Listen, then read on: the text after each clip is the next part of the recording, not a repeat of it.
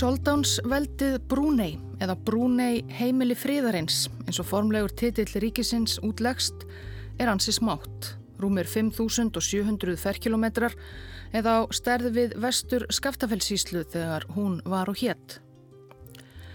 Heimili friðarins er að finna á norðurströnd eigunar Borneo í Suðaustur Asju, þriðju stærstu eigu heims. Brúnei er eitt þryggja ríkja sem skipta Borneo og millisín og það lang Stæstur hluti eigunar næri þrýr fjórðu tilherir Indonésiu en fjórðungurinn sem eftir er í norðri tilherir Malasíu. Svo er Brúnei ekki nema um 1% af flatarmáli Borneo, örlítil sneið af landi með ströndað suður Kínahafi, að öðru leiti alveg umlukið malasíska héræðinu Sarawak. Á þessu landsvæði búa í dag eitthvað um 460.000 manns. Íbúar Brúnei þykja hafa það nokkuð gott. Í landinu er almennt upplugt og örlátt velferðarkerfi en það var Brúnei um tíma ríkasta land í arðar. En auðurinn hefur ekki alltaf verið notaður á, já, skinsamlegan hátt.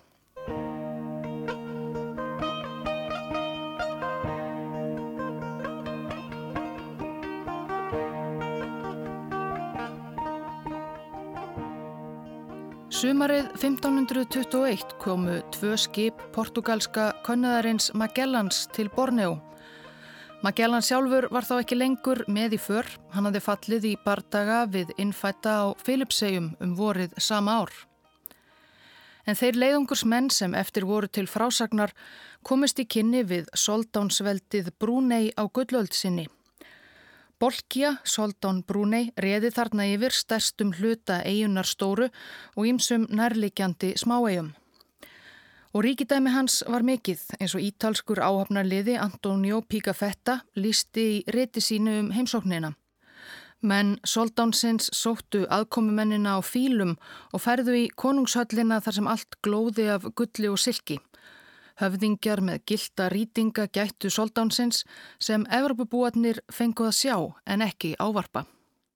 Einn höfðingjana sað okkur að við gætum ekki talað við konungin en ef við vildum koma skilabóðum til hans ættum við að segja sér þau og hann myndi segja það enn hátsettari höfðingja sem myndi færa þau bróður ríkistjórans og hann myndi í gegnum rör sem komið var fyrir í rifu í vegg flytja skilaboð okkar til ráðgjafa sem var nærri konunginum og frá honum myndu skilaboðin berast hans hátegn. Konungurinn er Múhameðstrúar um ferdugt og nokkuð vel í holdum. Engin þjónarónum nema ungmegar, dætur höfðingja. Engin ávarpar hann nema í gegnum rör eins og undan var líst. Hann er með tíu ráðherra í kringum sig öllum stundum sem skrifa skipanir hans á þunnan trjábörg. Konungurinn fer aldrei úr höllu sinni nema á veiðar.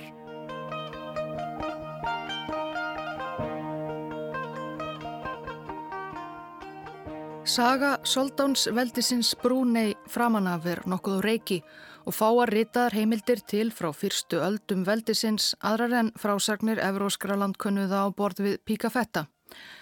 En sá konungur er Píkafetta kynntist, Bolkija hinn mikli, mun hafa verið fymti íslamski Soldán Brúnei.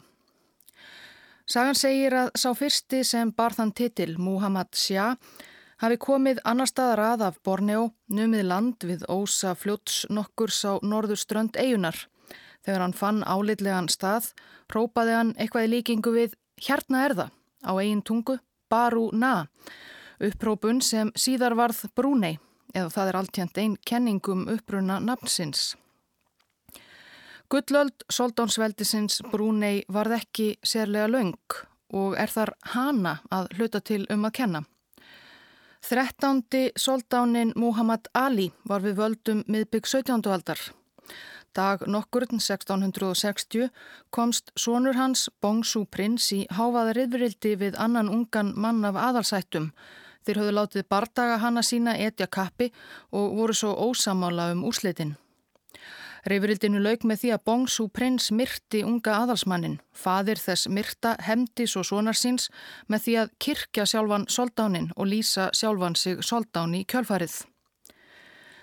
Allserjar borgarastyrjöld braust svo út á milli stuðningsmanna Myrta Soldánsins og þess nýja sem stóð árum saman með miklum blóðsútællingum og varð mjög til þess að veikja veldi Soldánsins sama hver ennbættinu gengdi. Mikið af landsvæði tapaðist á næstu öldum til annara Soldáns velda og ríkja á svæðinu þar til Brúnei varð lítið annað en það landslifsi sem það nú er.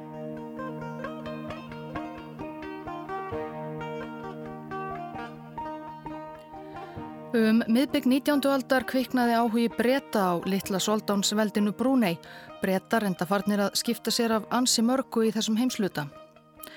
Afskiptum þeim lauk með því að Hassim Soldán skrifaði 1888 undir verndarsamning við breyta sem færði breytum mikil ítök í málefnum Brúnei, gerði Soldánsveldið í raunað bresku verndarríki í skiptum fyrir aðstóð breyta í erjum við önnur Soldánsveldi á Borneo. Heppilega vildi til að breytar nældu sér um svipað leiti einnig í stærri hluta norðanverðarar Borneo, svæði sem síðar urðu malasísku héröðin Saravak og Sapa og allt var þetta hluti breska heimsveldisins. Sá atbyrður í sögubrúnei sem skiptir hvað mestu máli fyrir frásögn okkar gerðist árið 1929. Lengi hafði menn grunað að á eða við Borneo leindist ólíja í jörðu. Ymsir hafðu leitað ólíu og brúnei og í nákrenni frá lokum 19. aldar en ítrekkaðar tilraunaboranir skiluðu engum. Þanga til 1926 að tveir breskir ólíuleitarmenn bókstaflega runnu á ólíuleiktina í Seria, strandhjeraði í vestanverðu Brúnei. Þar undir leindist gríðar mikið magnaf ólju sem byrjað var að pumpa upp þremur árum síðar og nú næri hundrað árum síðar er ekki enn á þrótum. Og fleiri óljusvæði áttu svo eftir að finnast síðar sem og mikið magnaf annari verðmætri auðlind jarðgasi og gasið og ólíjan, ekki síst æfintýralegur ágóðin af þessum auðlindum auðvitað, áttu eftir að gjör breyta flest öllu í litla soldánsveldinu á Borneo.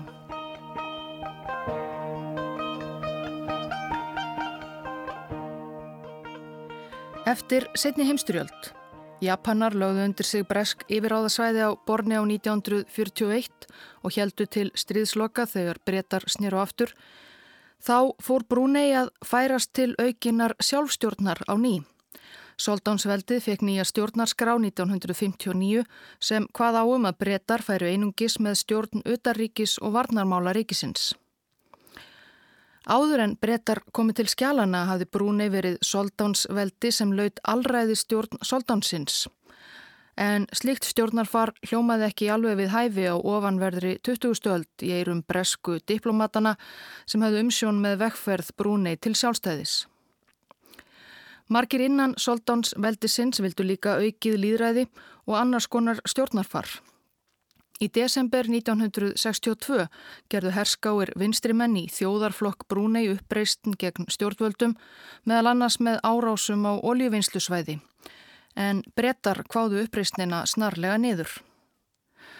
Um svipaleiti var einnig deilt um það hvort Brúnei ætti að ganga inn í fyrirhugað sambandsríki Malaja á Malakaskaga og bresku nýlendnana á Borneo sem var síðan hið sjálfstæða ríki Malasía. En niðurstaðan varð að vera ekkert að renna saman við Malasíu. Soldáninn í Brúnei, Ómar Ali, vildi halda völdum sínum og síðast en ekki síst halda ólíuauðunum sem þarna var farin að streyma inn í ríkiskassan sem aldrei fyrr. Hann vildi alls ekki þurfa að deila honum með gerfallri Malasíu.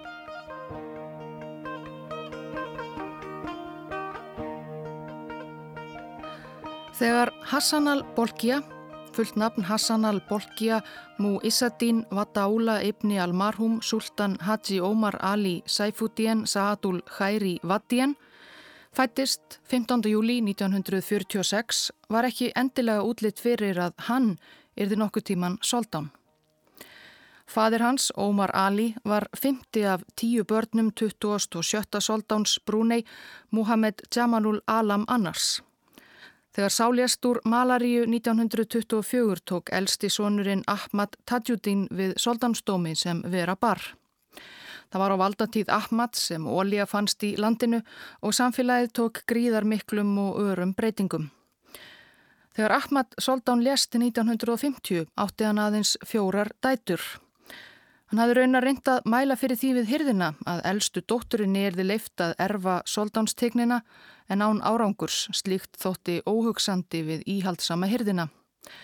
Svo fór því að yngri bróðir hans, Ómar Ali, tók við soldánstitlinum 1950. Krónprinsinn Hassan al-Bolkiah, sonur Ómar Ali, var mentaður í fínasta drengjaskóla Brúnei til að byrja með, svo fluttur í fínan skóla í Kuala Lumpur í Malasíu, Viktoríu skólan, þar sem ætt laukar margra fínustu fjölskyldna Suðaustur Asíu voru við nám.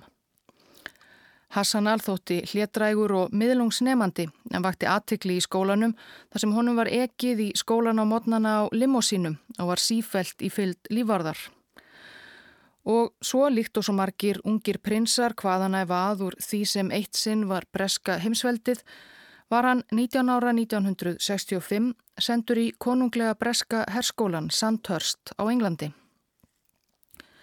Þar plumaði hann sig ágætlega en hann fekk ekki að vera þar lengi. Því í oktober 1967 sagði Karl Fadirhans Ómar Ali Soldán af sér og Soldáns titillin gekk til Hassanal sem var rétt 21 á skamall.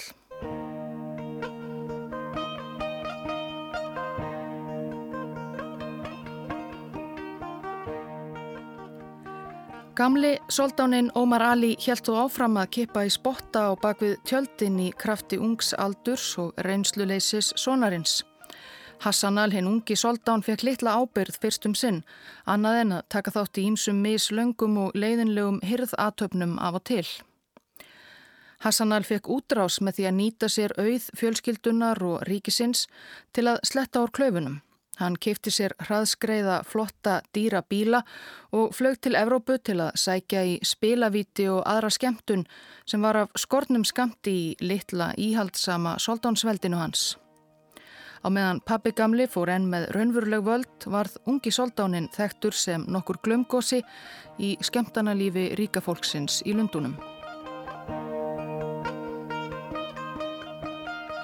1979 sömdu brettar og brúnei mennum að soldánsveldið fengi algjört sjálfstæði að fimm árum liðnum 1. janúar 1984. Landið var þó löngu orðið eitt það ríkasta á jarðarkringlunni í krafti ólíu og gasbyrðana sem þarna var farið að vinna úr jörðu. Hassan al-Soldán var þarna líka farin að láta til sín taka sjálfur. Hann reðist í umfangsmiklar framkvæmdir til að fagna yfirvofandi sjálfstæði landsins. Í höfuborg Brúnei bandar sér í Begavan reisti hann nýtt sjúkrahús og fleiri ofinberar byggingar og nýjan 35.000 manna íþróttaleikvang sem nefndur var í höfuðið á honum sjálfum. The small nation of Brunei is about to celebrate the most elaborate event in its history, formal independence from Britain. Engin nýbygging komst þó í hálfkvisti við nýju soldánshöllina sem reist var á aðeins örfa um árum. Sumir segja að ekki hafi verið vandað sérlega til verka við framkvæmdina, svo hratt gekk hún en hún var einmitt tilbúin fyrir aðal sjálfstæðis fögnuðin í ársbyrjun 1984. Istana Núrúl Íman, höll ljós trúarinnar, átti ekki aðeins að vera hýbíli soldánsins og fjölskyldu hans, heldur táknum mikilfengleika hins sjálfstæða brúnei og jú eflust líka táknum veldi soldánsins. Höllin sem reys á gróinni hæð nokkuð fyrir utan höfuborgina er einn stærsta höll sem reist hefur verið allavega sem búið er í að staðaldri. Brunei seems to be more a corporation than a country. It has a single product, petroleum. One monarch, the Sultan Hassan al-Bolkiah, and then this, the world's largest palace. Höllin, hvít og gilt í íbörðamiklum íslamskum stíl, er eitthvað um 200.000 fermetrar, örlítið minni en Lúfrhöllin, með 1788 herbergjum. Af þessum 1788 herbergjum eru 257 baðherbergi til að mynda. Þar að auki eru matsalir sem geta tekið 5.000 manns í sæti, sterðarinnar moska, stór bílakjallari, loftræst hesthús fyrir dýrmæta pólógæðinga soldánsins, fimm sundlögar og annar nöðsynlegur munaður. Þegar sagt var frá höllinni í erlendum fjölmiðlum í den fylgdi það oftar en ekki sögunni að soldánin hefði sjálfur aðeins komið inn í lítið brotabrót af herbergjunum 1788 enda svo sem kannski ekki við öðru að búast í slíku flæmi.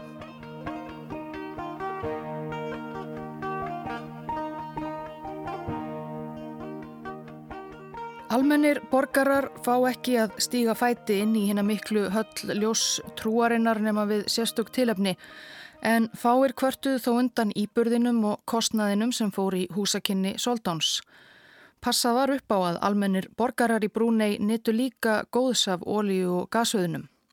Íbúar Brúnei borga ekki tekju skatt nýja nokkra skatta til að talum. Öll mentun og öll heilbriðistjónusta var og er gjaldfrjáls og borgurum býðist ímislegt annað frá ríkinu til að auðvelda lífið, ódýrt húsnæði og bætur. Fáir fættu fingur út í að soldánin væri svo gott sem allráður þegar almenningur hafði það svo gott sem raunbar vitni og soldánin var sannarlega alvaldur, gengdi embætti forsætisráþara auk fleiri ráþara embætta um leið og skipaði ættinga sína í flest önnur embætti. Í einhverju frétt frá Brúnei á þessum tíma var staðhæft að í landinu væri bara einn stjórnarlandstæðingur. Ekki fór þó sögum af því hver hann væri eða hvernig hann hefði það.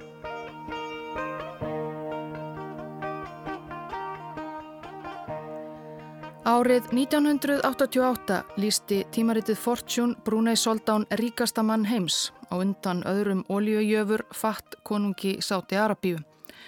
Hann var þá metin á 25 miljardar dollara. Árin á eftir gekk Hassan al-Bolkiah Soldán almennt undir þessum titli í heimspressunni ríkasti maður heims þar sem gert var ráð fyrir því að hann personulega sem allráður hefði allar tekjur brúneiska ríkisins til umráða nokkuð sem var ekki fjari sanni. Ímsar fjárfestingar Soldánsins á nýjunda áratugnum vöktu heims aðtegli. Ekki síst hafði Soldán áhuga á gistirekstri. 1983 keipti hann Singapore Deild Holiday Inn hotelkeðjunar. 1985 keipti hann The Dorchester, eitt dýrasta og nafntogaðasta hotel heims í Mayfair í Lundunum og 87 Beverly Hills hotelið í Los Angeles og svo framvegis og svo framvegis. Við fjárfestingar sínar Erlendis notaðist soldánin gerðnan við milliliði til að liðka fyrir viðskiptum eða reyna að dilja slóð sína, kannski. Þar var fyrirferða mikill egifski auðmaðurinn Mohamed Al-Fayed, fadir Dodi Fayed sáluga, sem var aðsópsmikill í viðskiptalífi Lunduna. Soldánin var þannig að mörgum talin hafa haldið um pingjuna þegar Al-Fayed kifti verslunarfélagið House of Fraser, eiganda Harrods, fyrir mók fjár 1985. Viðskipti sem auðvitað afar umdelt en breski auðmaðurinn Tiny Ráland sem hafði um árabil Girnst House of Fraser sakaði al Fayette og Brunei Soldán um svik og pretti. Harrods deilan kemur endar einnig við sögu í þáttum í ljósi sögunar um ekifska njósnaran Asraf Marwan. Og Tiny Ráland þessi var annars alls engin engill, hann auðgaðist í söður Rótesju á dögum aðskilnaðarstefnu og var síðar þekktur fyrir tengsl við ímsa misjafna afríska leðtoga, Muammar Gaddafi einræðisherra í Líbíu þar á meðal. Annar af viðskiptafélögum Hassan al-Bolkiah Soldáns sem sagan hefur ekki farið um sérlega blíðum höndum var sátíski vopnasalinn Adnan Khashoggi sem síðar var þeim mitt líka tillaður ríkasti maður heims um hríð. Ekki var heldur hægt að segja að Soldáninn væri sérlega nýskur á auðsinn Hann kifti á tímabili um það bil allt sem honum stóð til bóða, 17 engaþótur, óteljandi demanta og ómetanleg listaverk eftir gamla meistara og nýjar stjórnur.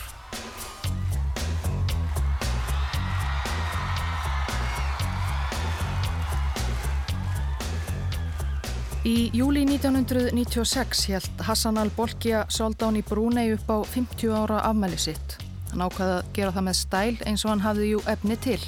Soldánin ákvaði að ráða skemmtikraft í amalisfögnuðin sjálfan Michael Jackson.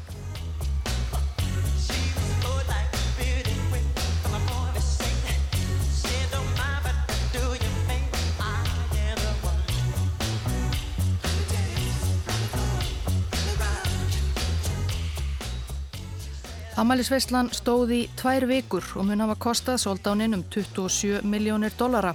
Ímsar uppákomur voru þessar tvær vikur, pólókeppni, ótalveislur og dinnerar. Jackson helt tvo tónleika, einn fyrir 60.000 gesti á sérbyggðum leikvangi og aðra minni bara fyrir tignustu gesti soldánsins. Bara nærvera Jacksons var stór hluti reikningsins. Hann mun hafa tekið um 17 miljónir dollara fyrir þessa tvo tónleika í Brúnei. I would like to thank His Majesty, Her Majesty, Her Royal Highness, the Royal Family, and the people of Brunei. Strax í næsta mánuði kom svo vittni Hjústón til Brúnei til að syngja í brúðkaupi eldstu dóttur Soldánsins. Sagan segir að Soldánin hafi rétt henni óútfylltan tekka og sagt henni að skrifa bara þá tölu sem hún vildi fá. Hún skrifaði 7 miljónir dollara en hefði eflaust geta beðið um meira.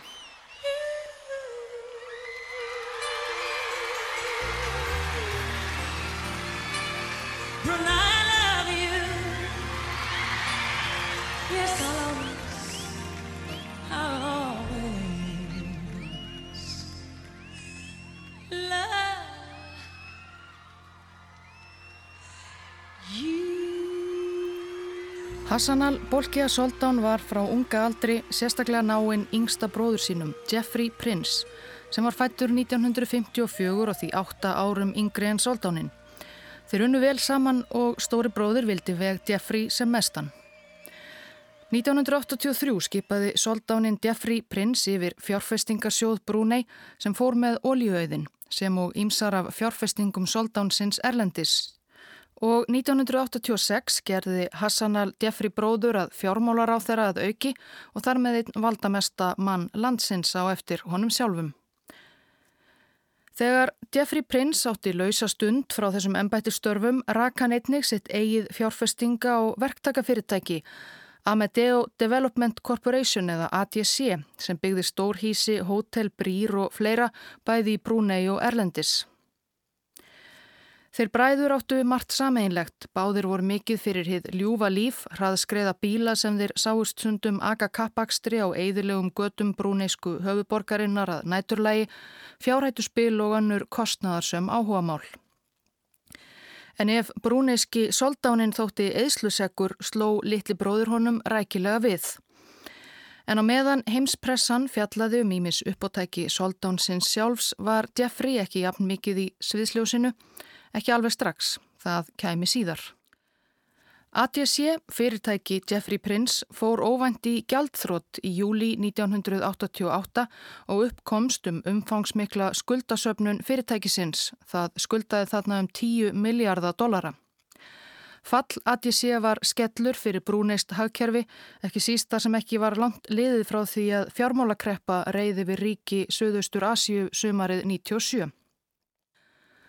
Þó kert hefði verið milli þegar bræðra tók soldánin ekki vel í þessar fréttir af fyrirtæki bróður síns, ekki síst kannski vegna þess að Jeffrey Prince var ennbæði forstuðu maður hins gilda fjárfestingarsjóðs Brúnei og fjármálar á þeirra ríkisins.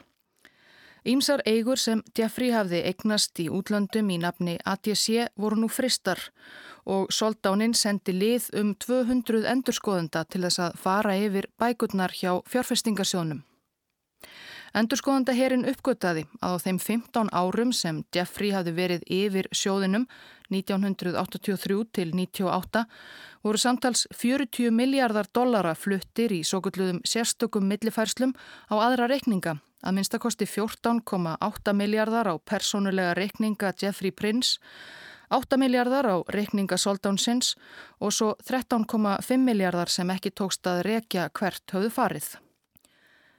Jeffrey neytaði að hafa dreyið sér fjö úr sjónum. Soldánin hefði personulega vitað af og gútterað hverja millifærslu, saði hann.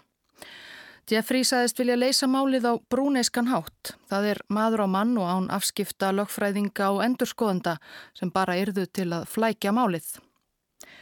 En honum var ekki að þessari ósksinni. Í februar höfðaði Hassanal Soldán mál gegn bróður sínum fyrir fjárdrátt. Hermenn gerðu húsleit í glæsilegri höllu prinsins og neftu Jeffrey í varðhald.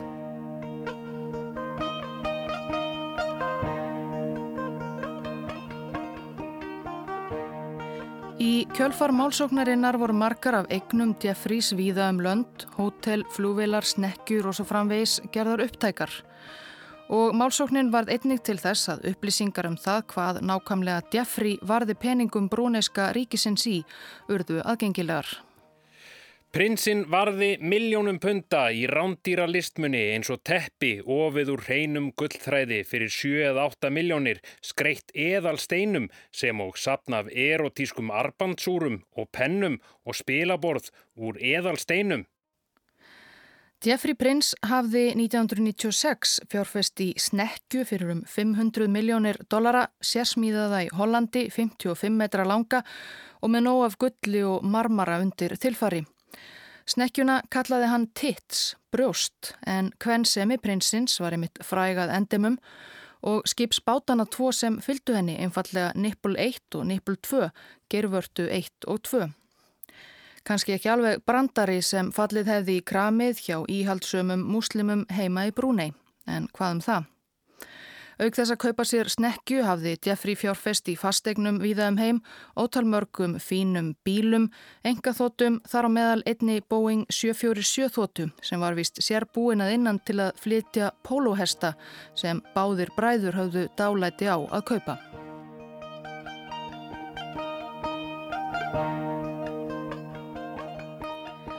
Bifreiðasafn Hassan al-Bolki að Brúnei Soldáns hefur í gegnum árin verið mörgum bíla áhuga manninum nokkuð hugleikið. Sagan segir nefnilega að Soldánin hafi ekki bara komið sér upp nokkuð góðu safni bifreiða, heldur mögulega stærsta bifreiðasafni heims í engaegum. Í raun og veru var það vafalaust Jeffrey Prince sem fjárfesti í mörgum bifreiðana þegar allt leik enn í lindi millir þeirra bræðra. Hversu stórt safnið svo er, er ekki alveg á hreinu um 7000 bílar hið minsta sem samanlagt eru metnir á meira en 5 miljardar dollara. Soldánin munað minnstakosti eiga stærsta sapn Rolls-Royce bifræða í heimi um 500 Rollsa og hann og fjölskylda hans voru á tímabili diggustu og stórtækustu viðskiptavinnir þessa nafntogaða breska bifræðaframleðanda. Þar að auki á hann ímsa sportbíla frá framleðendum eins og Ferrari, Lamborghini og Bugatti og margar fágætar bifræðar sem aðeins voru smíðaðar í örfa og meintökum. Á síðari árum hefur minna spurst til þess að soldánin spýtti á þessum bílum sínum um götur brúneisku höfuborgarinnar eins og hann gerði þegar hann var ungur og fregnir herma að margar þeirra sem bíla áhuga menn álýta sumarkverjar, mikil menningarverðmæti, standi hreinlega á grotni niður og hreyfðar en það kemst svo sem líklega engin maður yfir að keira reglulega 7000 bíla.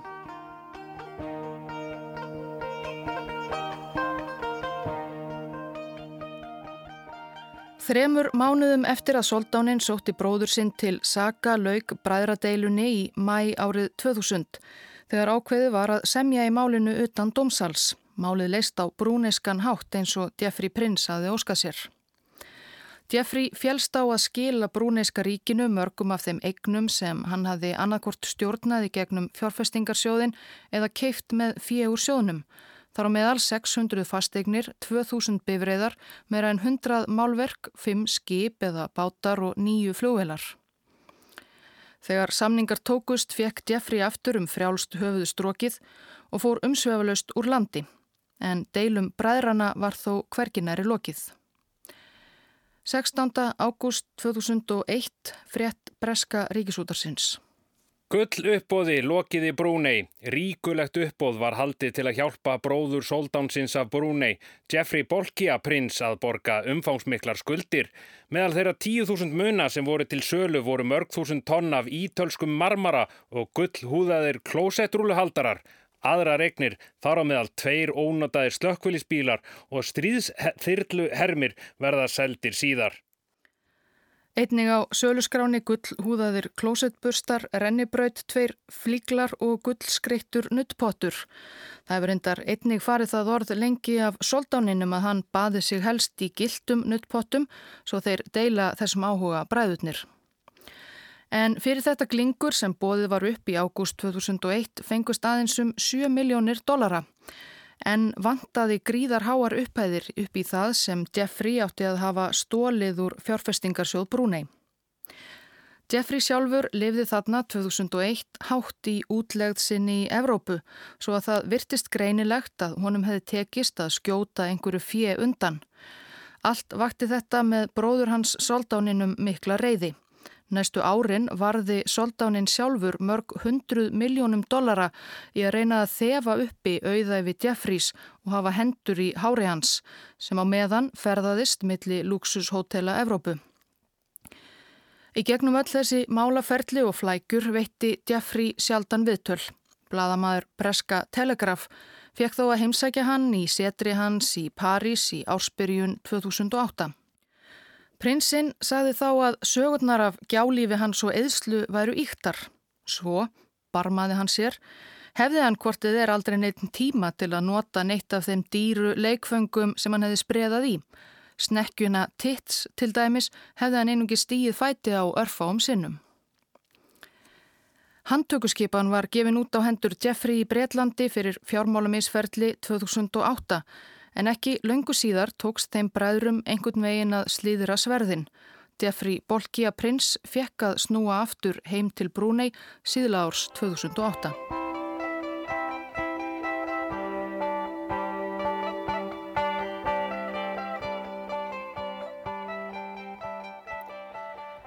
Bræðradeilan sem hófst 1998 var ekki svo fyrsta sem Jeffrey Prins átti í brasi með fyrir domstólum. Rúmu ári áður en fyrirtæki hans ATC fjall voruð 97 höfðaði bandarísk kona Shannon Marketits mál á hendur prinsinum fyrir domstól í Los Angeles. Marketits, þarna 26 ára, var fegurðardrottning fyrirverandi ungfrú Kalifornia og Miss USA árið 1992. Hún fór fram á 10 miljónir dollara frá prinsinum fyrir að hafa blekt hana til brúnei og fölskum forsendum og haldið henni þar svo að segja fangin í kynlífsþrældómi. Marketits sagði að hún og sex aðrar ungar konur sem hún mælti fyrir hefðu átt að fá 127.000 dollara fyrir að ferðast til brúnei þar sem þær áttu að koma fram á viðburðum með tignum erlendum gestum og eiga í gáfulegum samræðum við þá eins og það var orðað í atvinnauglusingunni.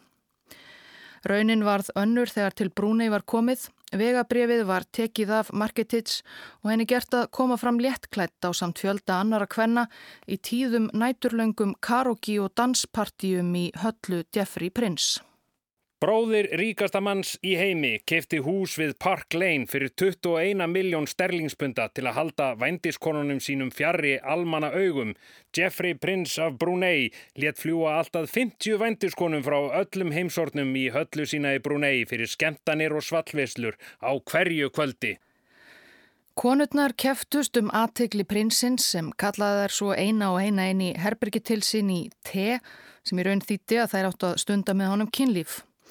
Þetta væri þeim mikil heiður, sögðu aðstórmenn prinsins við konurnar, því Jeffrey Prince væri hálfur maður og hálfur guð, ígildi Jésu Krists í kristindómi, sögðu þeir. Marketits var hleyft heim til bandaríkjana eftir mánadar dvöl og fekk alls ekki borgað allt það sem henni hafi verið lofað. Þegar hún höfðaði málið neytaði Jeffrey öllu og málið var á endanum látið niður falla þar sem dómari í Los Angeles matað svo að brúneiska soldánsfjölskyldan niti fríðhelgi fyrir domstólum.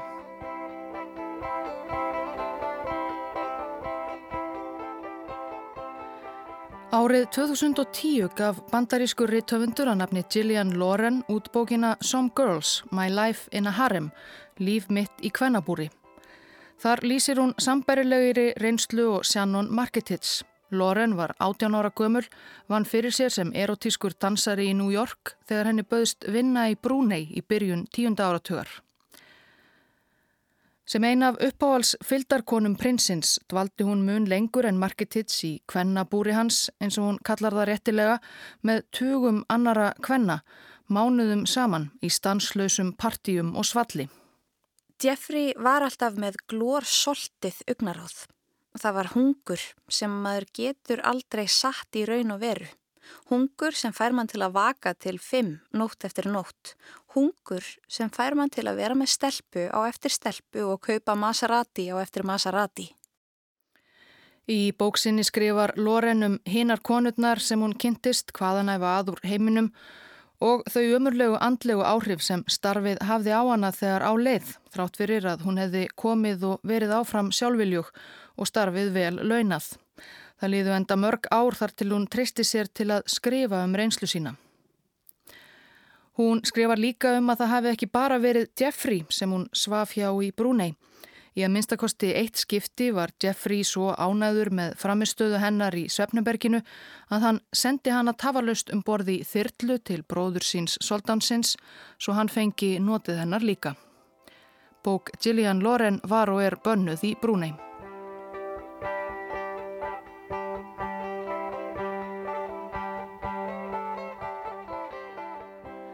Þó Jeffrey Prince hafi náð sáttum við bróður sinn að lokum hefur hann áfram staðið í málaferlum.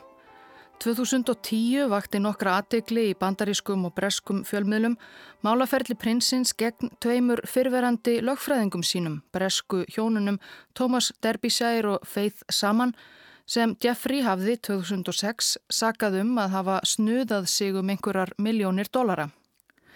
Málið varðað mikillir flækju fyrir mörgum dómstegum en það sem mesta aðtekli vakti þarna 2010 var að fyrir dómin voru lagðar ljósmyndir af innanstokksmunum í einbillishúsi prinsins á Long Island sem Derbyshire og Saman áttu að selja. Meðal annars hafði Jeffrey skreitt húsi sitt með bronsstittum í raunstærð af honum sjálfum og einni af kærustum hans kviknögtum í rekjubröðum. Jeffrey Prince reyndi vist mikið að koma í veg fyrir að myndirnar af stittunum kæmust í fjölmiðla en allt kom fyrir ekki. Málaferlum laug með því að prinsinn neittist til að borga hjónunum Derbyshire og saman 21 miljón dollara um það byl það sem hann hafði sakað þau um að hafa stólið af sér. Ingatlah, fokus kita hanyalah kepada Allah jua untuk mencari redanya semata-mata bukan melihat ke kiri atau ke kanan. 2017 helt Hassan al-Bolkiah Soldan Brúnei upp á 50 ár við völd. Hann var þá 71 árs og hverkin er hættur. Brúnei er muslimaríki og lungi landsmanna aðhyllist Íslamstrú. Einhverjir hafa velt því fyrir sér hvort að sé til þess að reyna að bæta ímynd fjölskyldu Soldánsins Eftir ófá neykslismálin, eðslusemi og kvennafar sem soldánin hefur á síðustu árum fært sig meira og meira í áttað einhvers konar trúræði að innleiða íslumsk trúarlög, sjarjalög eða hluta þeirra. Vitað er að íhaldsamir múslimar hafa nokkur og vaksandi ítök í landinu og hafa neykslast á fréttaflutningi af soldáninum og bróður hans Steffri. Ekki síst hefur neykslast annar bróðir þeirra Muhammed Bolkiah sem er trúrækin á aðeins eina eiginkonu og segist aldrei fljúa í engaþótu. Í april 2019 mælti Soldán fyrir breytingum á refsilögjöf í landi sínu byggða á sérjalögum sem meðal annars kváðu áum að gríta eða hýða mætti til bana þá sem gerðust uppvísir að nögun, framhjáhaldi og samkynneigð. Alþjóðleg mannreitindasamtök grindu lögjöfina af krafti og smáríkið Brúnei komst aftur í heimsfrettinnar nú fyrir annað en gjálífi soldónsfjölskyldunar. Tveir dagar eru það til ný lögganga í gildi í smáríkinum Brúnei. Þau lög heimila að fólk sem dæmt er fyrir samkynneigð eða hjúskaparbrótt sé grítt til dauða. En lagabreitingunni hefur verið mótmælt viða Ímsar stórstjórnur, George Clooney og Elton John þar fremstir í flokki kvöttu fólk til að sniðganga hótelkeðjur í eigu soldánsins og brúneiska ríkisins vegna málsins. Og soldánin lúfaði að lokum, vildi frekar hótelgestina. Laugin eru að vísu enn á brúneiskum lagabókum en dauðarefsingunni verður ekki framfyllt, segja stjórnvöld. Engin verður grítur til bana fyrir samkynneigð. Brúnei fær þó enn fallengun hjá mörgum mannrittindasamtökum að því sem við kemur réttindum hins einn fólks og í fjölda annara málaflokka.